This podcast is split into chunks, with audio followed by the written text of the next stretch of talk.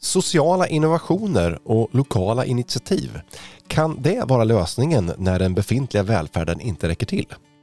Ja, ett exempel på en social innovation finner vi i Skåne där rullande ungdomsmottagningar sedan några år tillbaka används för att möta unga människor på plats i landsbygdsområden. Så är de här lösningarna smarta sätt att upprätthålla samhällsservicen i våra landsbygder? Eller är de bara ett sätt att sminka över försämringar i välfärden? Jag heter Håkan Montelius och du lyssnar på podden Landet. En podd från Landsbygdsnätverket där vi idag diskuterar social innovation och dess förutsättningar.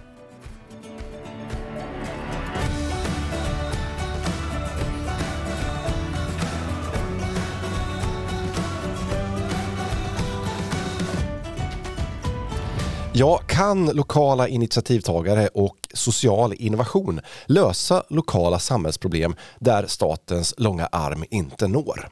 Och vilka konsekvenser får minskad grundläggande samhällsservice som vård och hälsa i landsbygderna för den som lever där, ung som gammal?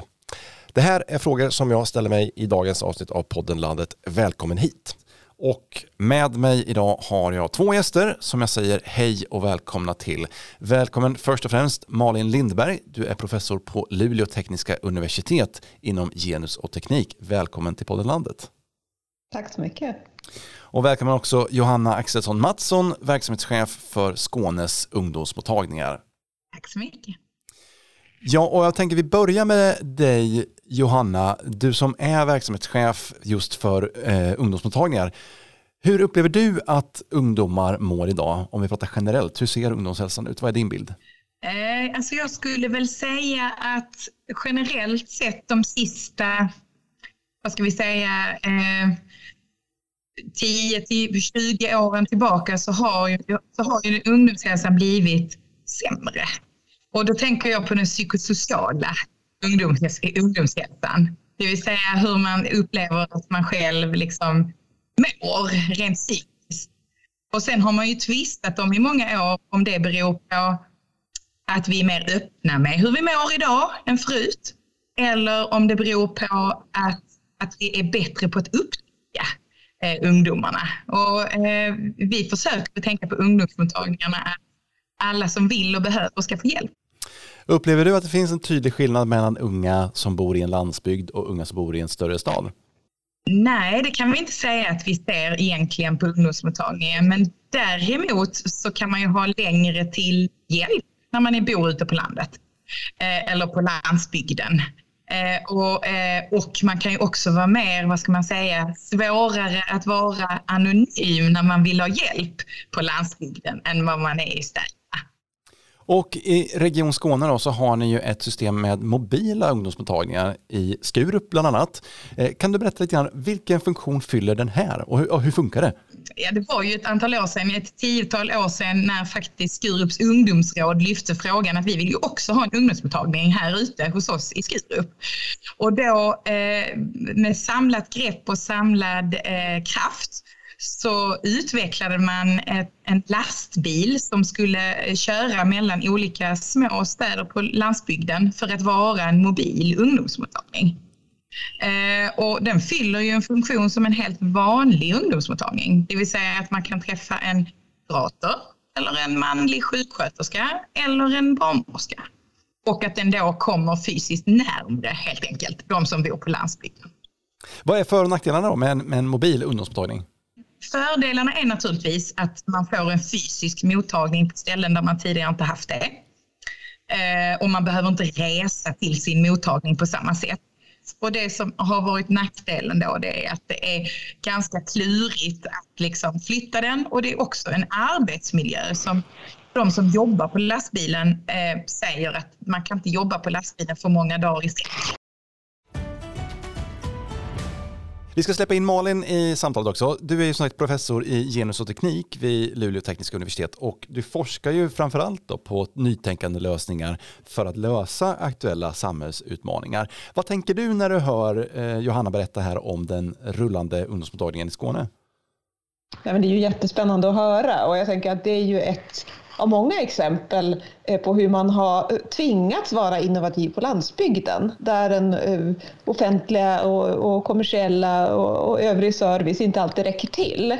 Och just när mobila lösningar är ju på något sätt innovativa vad gäller platsen. Även som du säger Johanna, att, att en lastbil är inte helt mobil, men det är i alla fall steget närmare än, än att behöva ha en, en fysisk eh, lokal och att man även kan flytta den mellan olika platser. Eh, en annan aspekt som jag känner igen från andra sociala innovationer det är ju det här att just eh, ohälsa och särskilt psykisk ohälsa men även fysisk ohälsa bland unga är ett, eh, en växande utmaning och att många, det finns ett behov av nytänkande lösningar där då samhällets befintliga verksamheter inte har räckt till. Helt uppenbart. Mm. Ett exempel på social innovation säger du. Eh, om vi bara stannar upp vid det begreppet så vi har lyssnarna med oss här. Om du förklarar lite kort, vad, vad omfattas av begreppet social innovation?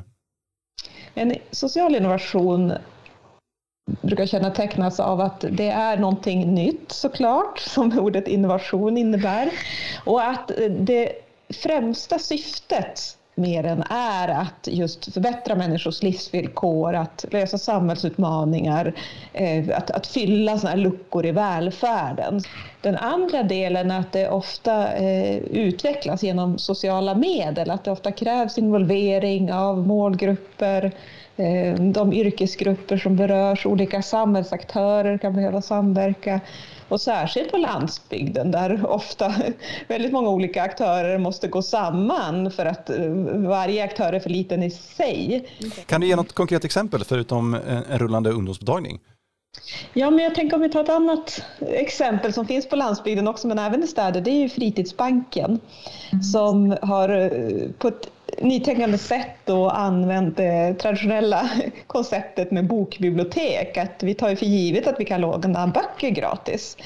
Men då var det en diakon på Svenska kyrkan i, en eh, ort i Värmland som såg att det finns väldigt många unga som inte har möjlighet att vara med på skolans friluftsdagar till exempel eller inte kan testa nya idrotter och andra friluftsaktiviteter för att man inte har råd, om det nu är skridskor eller skidor eller vad det nu handlar om. Så då eh, kom de på att nej men, vi kan ju uppdatera det här bokbibliotekskonceptet till även sport och friluftsartiklar. Så eh, nu finns fritidsbanken över hela landet eh, i väldigt många olika kommuner, drivs ofta i samverkan mellan kommuner och olika idrottsföreningar och, och andra.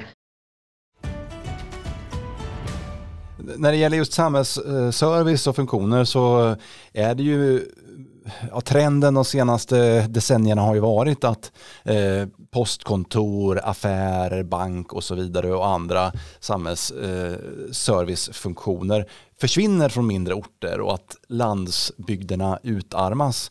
Ser ni att sociala innovationer som till exempel en rullande ungdomsmottagning eller fritidsbanken kan vara ett bra sätt att, att möta den här förändringen och blåsa liv i en, i en landsbygd där kanske sådana här funktioner har försvunnit. Många som själva bor på landsbygden anser ju uppenbarligen det eftersom det hela tiden utvecklas nytänkande lösningar på initiativ av invånarna. Eh, jag tänker vi har ett annat exempel på lokala servicepunkter apropå det här med minskningen av, av, av både kommersiell och offentlig service. Att man faktiskt på, från civilsamhällets initiativ eh, samlokaliserar eh, olika typer av tjänster på en plats. Och att, att även då till exempel byaföreningar kan också ha sina verksamheter där, precis som att det kan Eh, finnas ehm, eh, en butik till exempel. Och jag kan fylla på. Jag tänker också att det är så oerhört viktigt att vi pratar mycket på ungdomsmottagningen om att se hela ungdomen. Att eh, för att kunna ge en god vård, vad det nu är, så, så, så ska man ju både kunna ge preventivmedel men också fråga hur är det? Hur mår du? Hur har du det i skolan? Och då måste man ju, hela ungdomsmottagningen är ju både psykisk hälsa men också fysisk och sexuell hälsa. Men också behöver man hjälp med något annat. Alltså jag tänker att den här eh, viljan att se hela personen borgar ju också för de här projekten ute på landsbygden att, att samlokalisera, att tillsammans jobba fram saker för att man ska må så bra det bara går och kunna njuta av livet. Liksom. Så försöker vi tänka kring ungdomarna. Mm. Den andra stora samhällsförändringen som vi har sett det senaste decenniet det är ju digitaliseringen. Och digitala lösningar lyfter ofta fram som eh, en eh, bra lösning när samhällsservice eh, försvinner. Du kan träffa doktorn via en app, du kan lösa alla bankärenden digitalt och så vidare. Eh, varför har ni i Skåne valt att satsa på en, en mobil ungdomsmottagning, en fysisk lastbil som åker runt? Eh, kunde man inte istället ha satsat på en, en digital tjänst? Jo, och vi, vi har ju faktiskt gjort både och. För jag tror att eh, sanningen är liksom inte det ena eller det andra. Utan sanningen på något sätt för att se hela människan, det är att försöka ha lite både och till olika saker. Det finns ju bankärenden eller eh, eller för den del förnyelse av preventivmedel som funkar jättebra digitalt. Men kanske ett första besök på ungdomsmottagningen när man inte mår riktigt bra och vet liksom inte riktigt vad det beror på. Eh, då kanske man behöver träffas fysiskt för att man ska kunna visa hela sitt kroppsspråk och, och bli liksom sedd som en hel människa. Så kan det vara för vissa. Sen är det ju för somliga av ungdomarna som säger det är så himla bra att jag slipper liksom komma. Jag kan komma digitalt istället. Så jag tror att eh, det är viktigt i den här digitaliseringsivern som vi lever i att, att se att det, det är ett sätt och det är jättebra. Men vi kan inte ta bort fysiska möten. Mm. Och, det, och det tänker jag väl är för alla uh, olika typer av nytänkande lösningar på landsbygden, att det finns två sidor av, av myntet. Uh, och att just det här uh, som fokuseras i social innovation på, på människors välmående, att det är som du Ulrike, nej, Johanna är inne på, eh, människan är en helhet och består av många delar och då kan det här fysiska mötet vara en sak, att ha mötesplatser, att det kan vara betydelsefullt. Å andra sidan är det ju en tillgång det här med, med som, som du Håkan var inne på, med att eh, tillgängligheten, att det digitala gör ju såklart att distanser överbryggs på ett annat sätt. Mm. Vad säger du, är rullande ungdomsmottagningar ett koncept som man skulle kunna exportera till andra delar av landet som skulle kunna funka på vilka platser som helst? Ja, alltså jag tror ju eh, egentligen så kan jag tänka att det här konceptet med vår stora fantastiska fina lastbil måste jag säga, den är lite lik om ni tänker er kalanka på julafton. Att man kan veckla ut den, det är helt fantastiskt.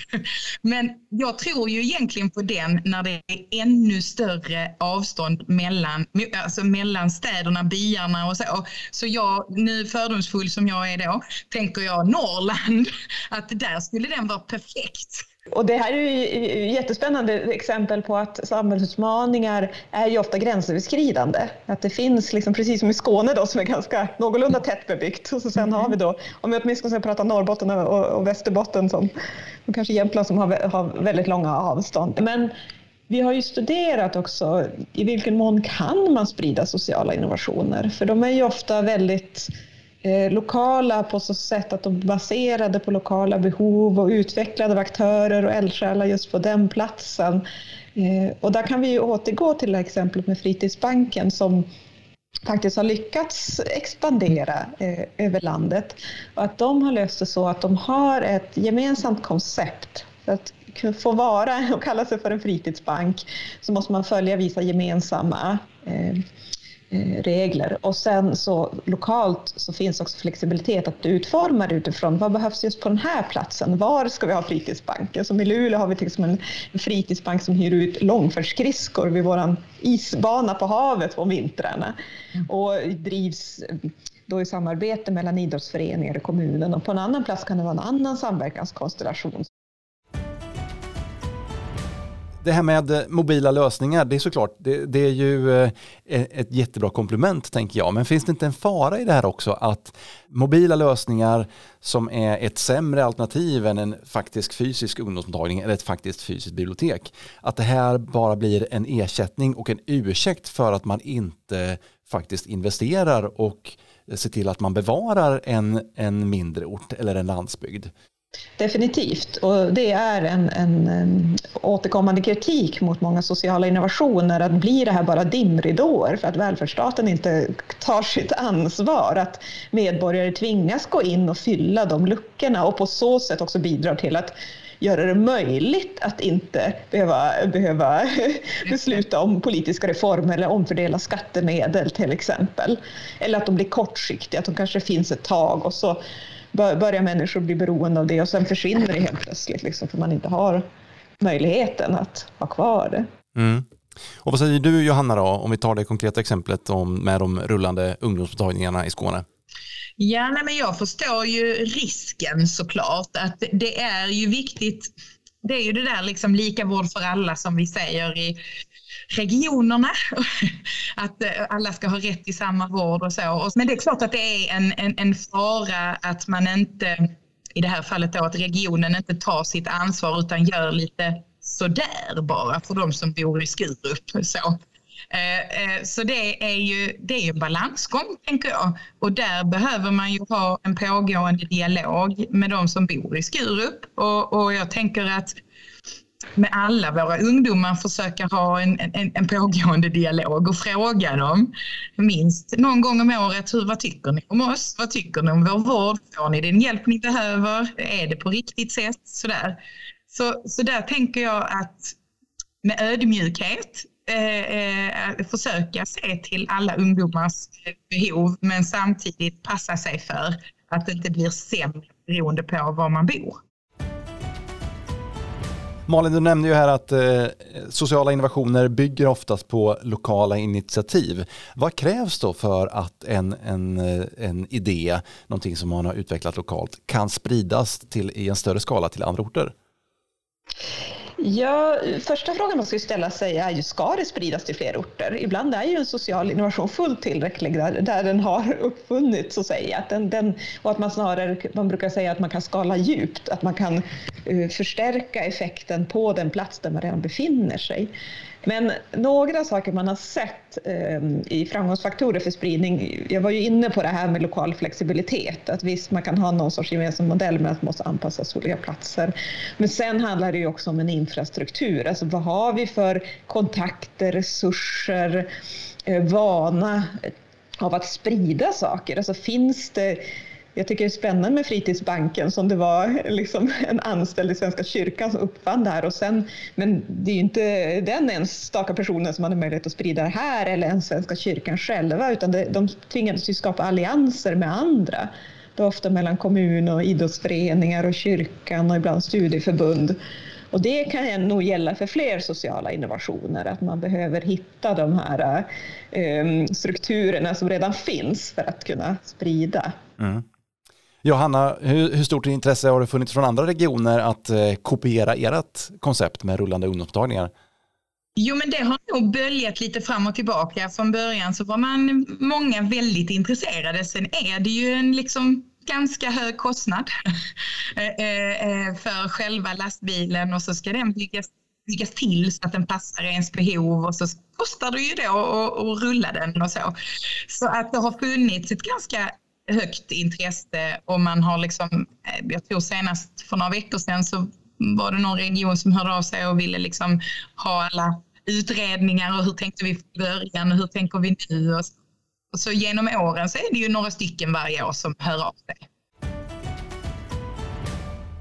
Vad tänker du om framtidsutvecklingen då? Eh, om vi börjar med, med dig i eh, Skåne. Eh, Ser du att det här kommer eh, spridas på fler platser i Skåne, eh, ert koncept som ni har idag, eller är det här en tillfällig lösning? Eller, ja, vad, vad tror du om framtiden för de rullande ungdomsmottagningarna? Eh, alltså jag hoppas och tror att vi ska kunna hitta någon mobil lösning som, eh, som, som ska komma fler kommuner i Skåne till nytta. Vi har ju andra skånska kommuner som ligger ganska långt ifrån en fast mottagning där det också finns social problematik på olika sätt. Eh, och eh, ungdomar mår dåligt och ja, tidiga eh, tonårsaborter och sådär. Och då, då, skulle man önska att det fanns, att vi hade kanske fler mobila lösningar men kanske mindre bilar som inte krävde lika mycket tillstånd och lika mycket men ändå kunde ge en god vård. Eh, men jag tror att det som vi har pratat om här idag i så fall var väldigt viktigt. Att man pratar med de aktörerna på de, i de kommunerna, i de små byarna, städerna. För annars så blir det ju inte hållbart utan man måste prata med dem och Malin, vad säger du då? Tror du vi kommer se fler sociala innovationer inom till exempel sjukvård och hälsa eh, som lösningar för olika landsbygder framöver? Ja, men det tror jag.